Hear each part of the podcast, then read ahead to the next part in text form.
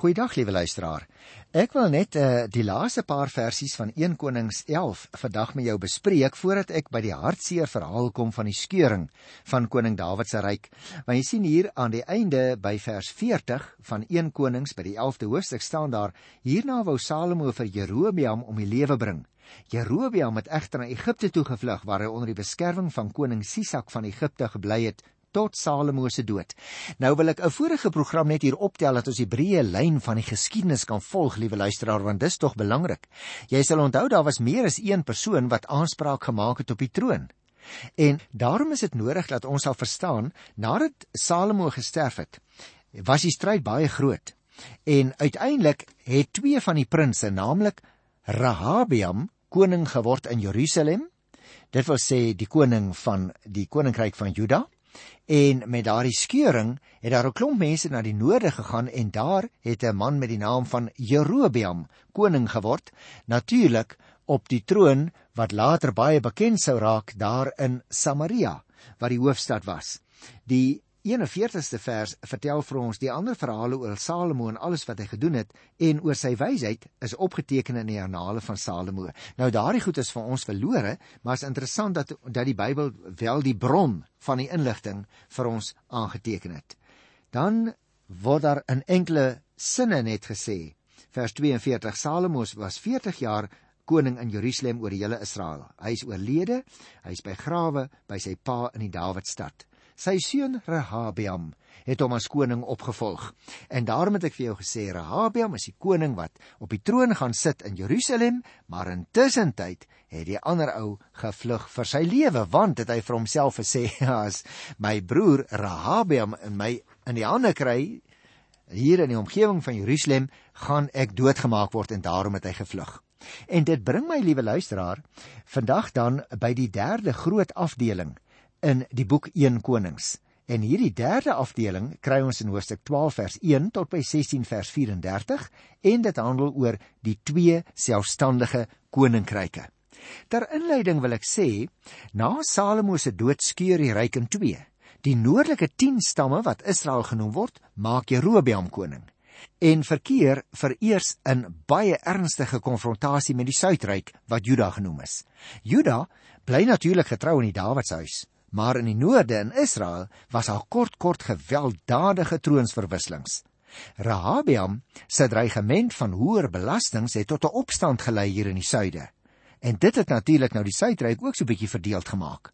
Rehabeam het oor die suidryk geregeer en Jerobeam oor die noordelike stamme.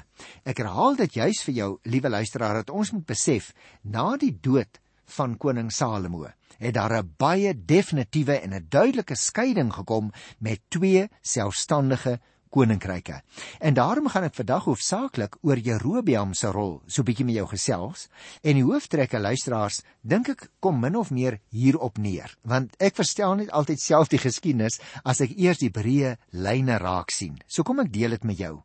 Die vertellinge oor Jerobeam kan eintlik baie kunstig gerangskik word rondom die sentrale gedagte van sy sonde wat paradigmaties geword het vir die sondes van die konings van die Noordryk. Dit word omkring natuurlik deur die teenoorgestelde tema, naamlik die gesag van die profete woord en die profetiese oordeel oor die kultus en die koning. Want jy sien toe die konings nou begin ontrou word, toe wek die Here die profete op wat as dit ware vry beweeg het rondom die kultus, rondom die heiligdomme. En daarom was die profete nooit gewilde mense nie, maar ek gaan nog baie vir jou van hulle vertel. Die buitenste raam as 'n mens in so sirkels sou trek, die een rondom die ander, word dan gevorm deur die twee konings se tekortkominge en die twee sterfgevalle in Jerobeam se huis. Maar ons gaan daarby kom. Die eerste 19 verse van 1 Konings 12 handel dan spesifiek oor die skeuring van die ryk en ek dink jy kan dit self lees. Kom ek vertel jou daarvan. Het Rehabeam sy mag oorskat deur te meen dat hy die stamme met dwang in onderdanigheid kon hou of was Rehabeam net 'n bietjie dom? Jy sien liewe luisteraar, die Bybel het 'n ander antwoord vir die dwaase optrede van Salomo se seun, naamlik dat God aktief betrokke was agter die ondiplomatiese besluite wat tot die skeuring van die ryk gelei het.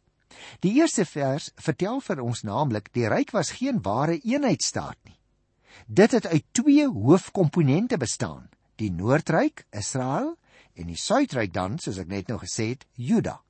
Met die Dawidstad Jerusalem as die sentrale setel. Die eenheid is dus verkry rondom die persoon van Dawid vroeër. In Juda het hy 'n erfregtelike dinastie gevestig, maar in die noordelike gebied van die land was hy koning op grond van sy verdrag waarvan ons gelees het in 2 Samuel 5 vers 3.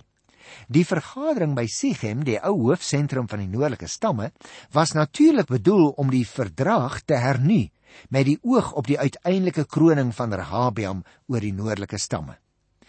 As 'n mens nou lees verder van vers 2 tot by vers 14, dan merk jy op die hoofsaak waaroor die mense eintlik moes ooreenkom met mekaar, was 'n verligting van Salomo se belasting en die dwangarbeid wat hy hulle opgelê het. Die advies van die deurwinterde raadgewers was baie diplomaties berekend, bedoel om die eenheid van die ryk te behou. Maar die jonger garde het 'n baie onversetlike houding aanbeveel. Hulle sê, "Rahabiam, jou hart moet baie verhard word. Jy moet as dit ware soos 'n despotiese koning begin optree." Wat natuurlik tot implikasie gehad het dat die mense geweldig verdruk begin raak het. En as 'n mens nou kyk hier in die Bybel by 1 eh, Konings die 12de hoofstuk hier van die 20ste vers af, dit sal bly wees as jy dit ook self gaan lees, dan sien jy die opskrif daarvan is Rahabiam se poging om die opstand te onderdruk. Want net soos ek nou net vir jou vertel het, 'n mens kon verwag daar gaan opstand kom as hy nou groter druk op die volksgenote plaas. Nou hierdie skeuring, liewe luisteraars, het natuurlik baie nadelige gevolge gehad. Israel het as die groter staat uit die stryd getree en die totale oppervlakte van die Juda stam het ongelukkig aansienlik gekrimp. Boonop is die ekonomie baie swaar getref, want die belasting vanuit die Noordryk is onmiddellik daarmee beëindig. Die handel het ook swaar gelei. Die militêre mag is verswak. So, die toestand was redelik haaglik. Wanneer die noordelike stamme Jerobeam tot koning kroon, dan verhinder 'n profeet dat Rehabeam burgeroorlog voer. Die despoot gehoorsaam die profetiese woorde en ongelukkig vir hom onderwerp hy homself daaraan. Uiteindelik bou die Dawids dinastie net die twee klein stamgebiede naamlik Juda en Benjamin. Luister so 'n bietjie na die 20ste vers, want daar kry ons interessante inligting. Toe die Israeliete verneem dat Jerobeam teruggekom het uit Egipte, het hulle na hom 'n volksvergadering toelaat kom en hom koning gemaak oor die hele Israel, dit wil sê die noordelike gebied, né? Niemand behalwe die Juda stam en die koningshuis van Dawid het hom aangehang nie. Ons het dus geen twyfel daaroor nie, liewe luisteraars, hierdie volkskeuring wat hier plaasvind, is ingrypend, dit verdeel die twee gebiede finaal. En daarom wil ek nog so 'n bietjie vir jou vertel in die algemeen van hierdie Jerobeam wat daar in die noorde op die troon gekom het. Jy sien, die Bybel bevat baie en ook verskillende verwysings na mense wat leiding van God ontvang het, maar tog nog uiteindelik hulle eie gang gegaan het. Hulle ongehoorsaamheid was beslis nie te wyte aan onkunde oor wat God van hulle verwag het nie. Dit was eerder die gevolg van hardkoppige selfsug. Jerobeam is 'n baie goeie voorbeeld van hierdie tipies menslike neiging. Jy moet oppas as jy hardkoppig is, liewe luisteraar. Dit kan uiteindelik baie nadelig na jou toe terugkom in die praktyk van die lewe. Onthou jy nog, terwyl Salomo die terras in Jerusalem gebou het, het hy Jerobeam se bekwaamheid raak gesien en hom oor die dwangarbeid in Efraim aangestel. Kort hierna het die profeet Agia Jerobeam teëgekom Agia het sy nuwe mantel in 12 stukke geskeur. Ek het nou nie daai gedeelte gelees in die vorige program nie en 10 stukke het hy aan Jerobeam gegee. Hy het verduidelik dat die Here die Dawidshuis gaan oordeel weens die afgodery van hulle vader Salomo. 10 stamme sal hulle van die Dawidshuis af losmaak en Jerobeam sal hulle koning word. So is dit al profeteer. Indien Jerobeam aan die Here getrou bly, sal die Here hom 'n bestendige koningshuis gee. Salomo het toe hiervan gehoor en probeer om Jerobeam dood te maak. En sal jy onthou, het ek jou vertel toe het Jerobeam suidwaarts gevlug na Egipte. Maar nou, na die dood van Salomo, het Jerobeam teruggekom uit Egipte land en die gruwe van die volk aan die nuwe koning Rehabeam daar in Jerusalem gestel. Rehabeam het die eise se muur verwerp sodat die noordelike 10 stamme hulle van die Dawidshuis af losgemaak het en hulle het vir Jerobeam tot koning gekroon in die noordelike gebied. Jerobeam wou natuurlik sy posisie teenoor Rehabeam in die suide verstewig. Gevolglik het hy twee kalverbeelde in die noorde en die suide van sy koninkryk opgerig om te verhoed dat sy onderdane na Jerusalem toe sou gaan om te aanbid. Nou natuurlik luisteraars, omdat kalverbeelde ook Baal simbole was, het dit spoedig gelei tot afgoderry. Die gevolg was dat God vir Jerobeam verwerp het en die uitwissing van sy huis en sy hele huishouding aangekondig het. Jerobeam se afgoderry was dan ook die begin van 'n proses van afvalligheid wat uiteindelik gelei het tot die einde van die Noordryk. En daarom moet ons hierdie man eintlik as 'n tragiese figuur beskou, want hy wou die godsdiens gebruik om uiteindelik te sorg dat die mense hom dien en daarom het hy hom tot die afgode gewend en dit het natuurlik sy uiteinde beteken.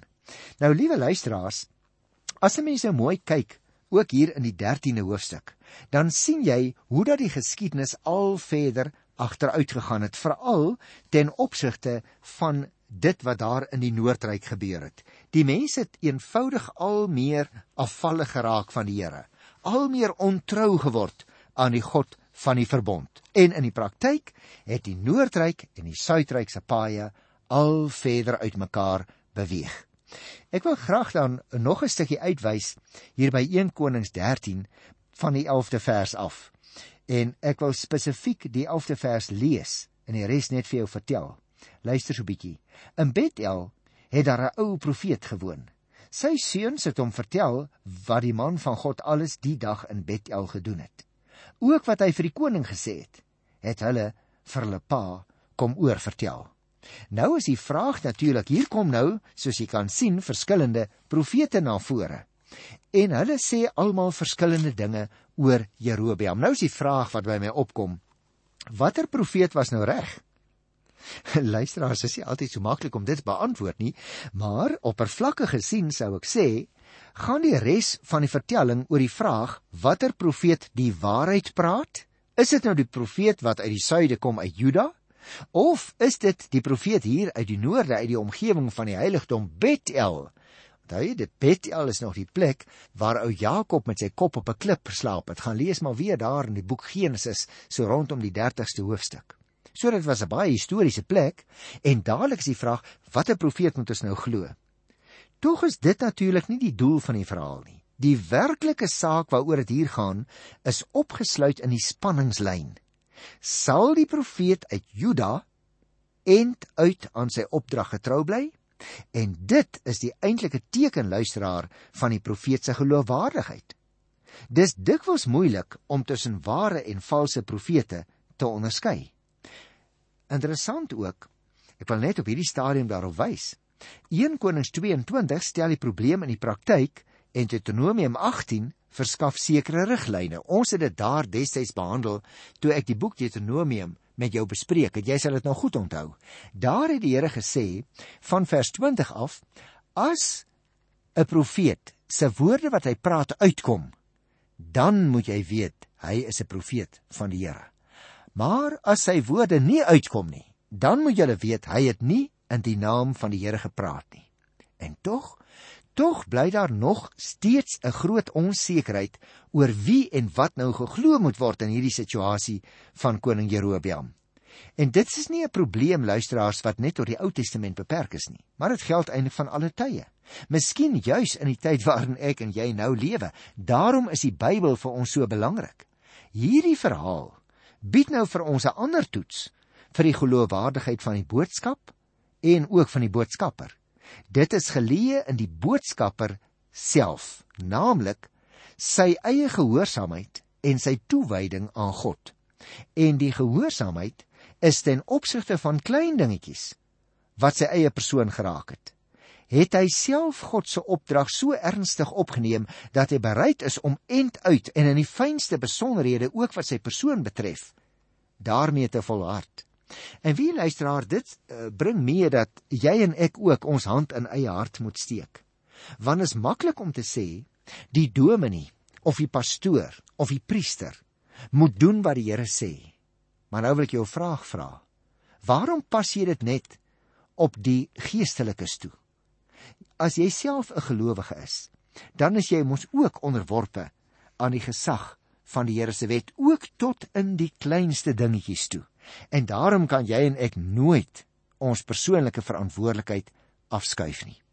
En dit bring my by die laaste hoofstuk wat ek vandag wil behandel, naamlik by 1 Konings, die 14de hoofstuk. En hierby gaan ek so bietjie in groter detail met jou gesels. Die opskrif daarvan is die oordeel oor Jerobeam se huis. Mens sou dit seker anders ook kon sê as opskrif, miskien Jerobeam se sonde. Want jy sien ten spyte van die woorde van die profeet en die bevestiging van die gesag van sy woorde, het Jerobeam hom glad nie gestuur aan wat die profeet gesê het nie. En hierdie aanklag gaan nou oor in 'n oordeel en daarom vorm dit eintlik die kern van die Jerobeam verhaal. Kom ek maak net 'n paar opmerkings oor hierdie 14de hoofstuk en dan praat ons daaroor. Want jy sien die doel van die vertelling moet jy nou deurgangs onthou oor Jerobeam se siek seun van wie ons nou hier gaan lees. Is eerstens die einde van die Jerobeam dinastie moet aangekondig word en so ook natuurlik die oorsaak vir die val van die Noordryk. Die tweede rede is die getrouheid van Dawid teenoor hierdie Jerobeam wat nie die Here dien nie.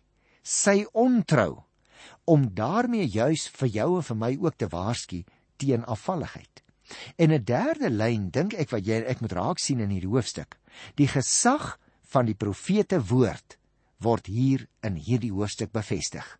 Nou goed, kom ons kyk na die eerste 6 versies by 1 Konings 14. In die tyd het Abia, die seun van Jerobeam, siek geword.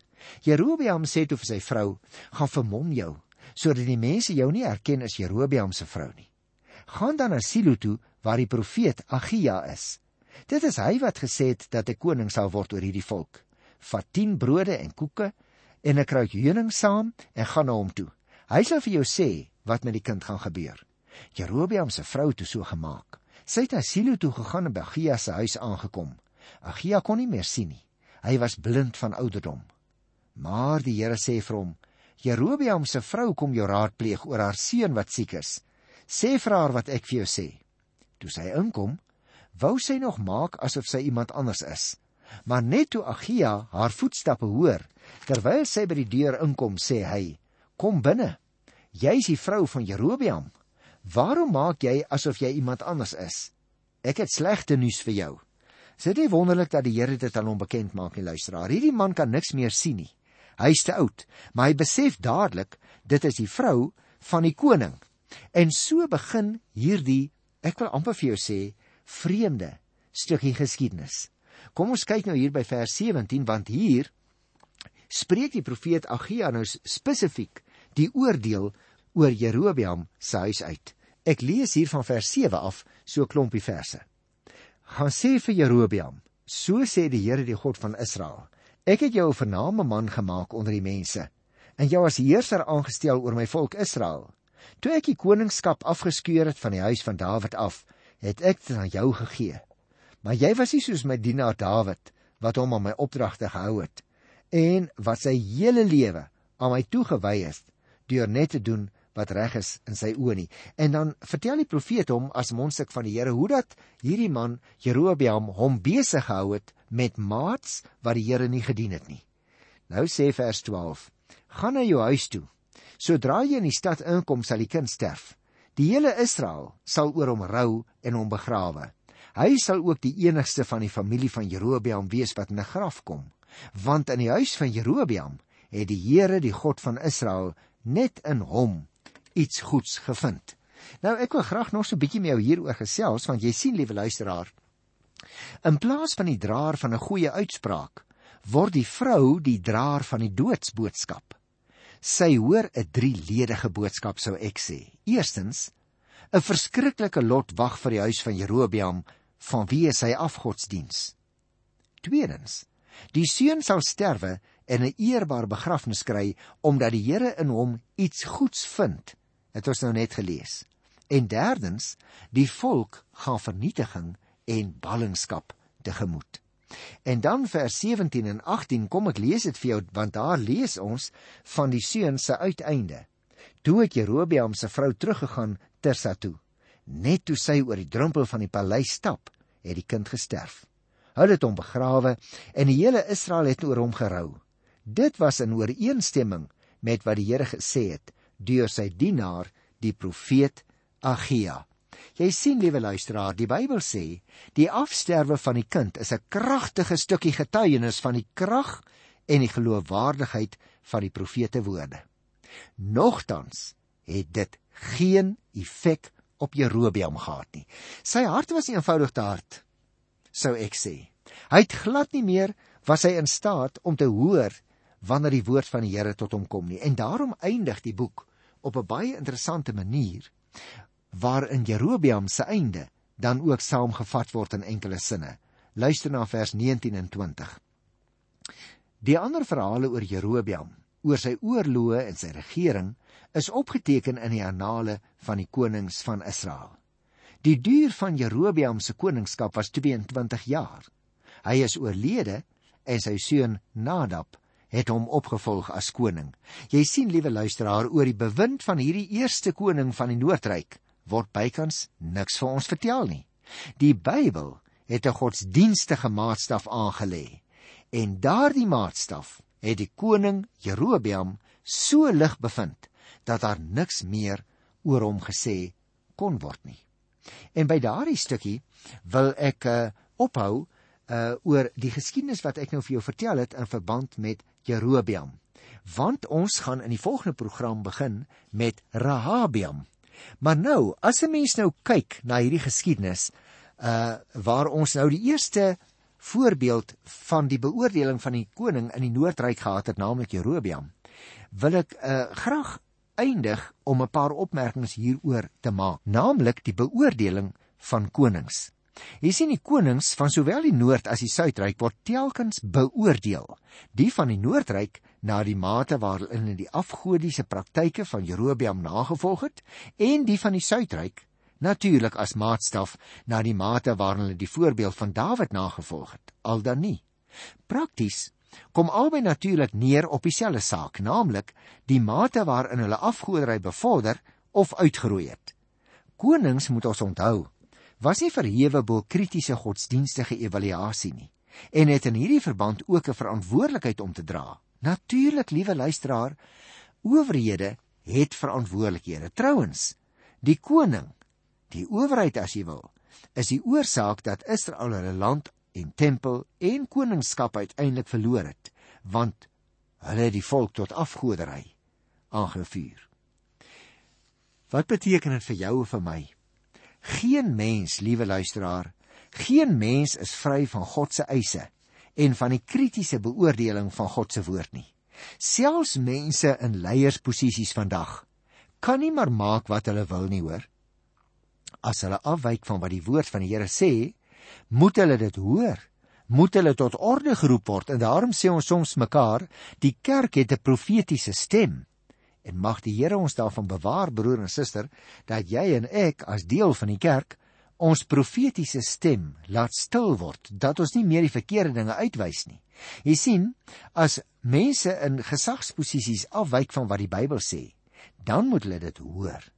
Die tragiek is natuurlik dat die leier sy volgelinge saam met hom in die ellende kan stort.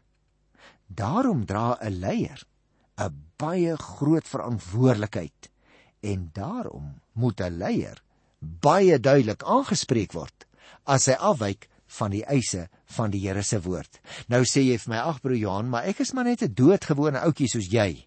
Ek het nie invloed, ek het nie inspraak daar in die hoë echelons van die maatskappy nie. Dis moontlik waar, maar mag ek afsluit deur vir jou 'n vraag te vra?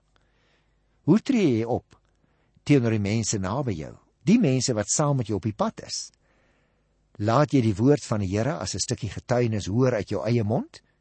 of bly jy maar stil ter wille van die vrede? Daardie soort vrede, luisteraars, is nie die vrede wat die Here gee nie. Ek groet jou in die wonderlike naam van ons koning tot volgende keer. Tot dan. Totsiens.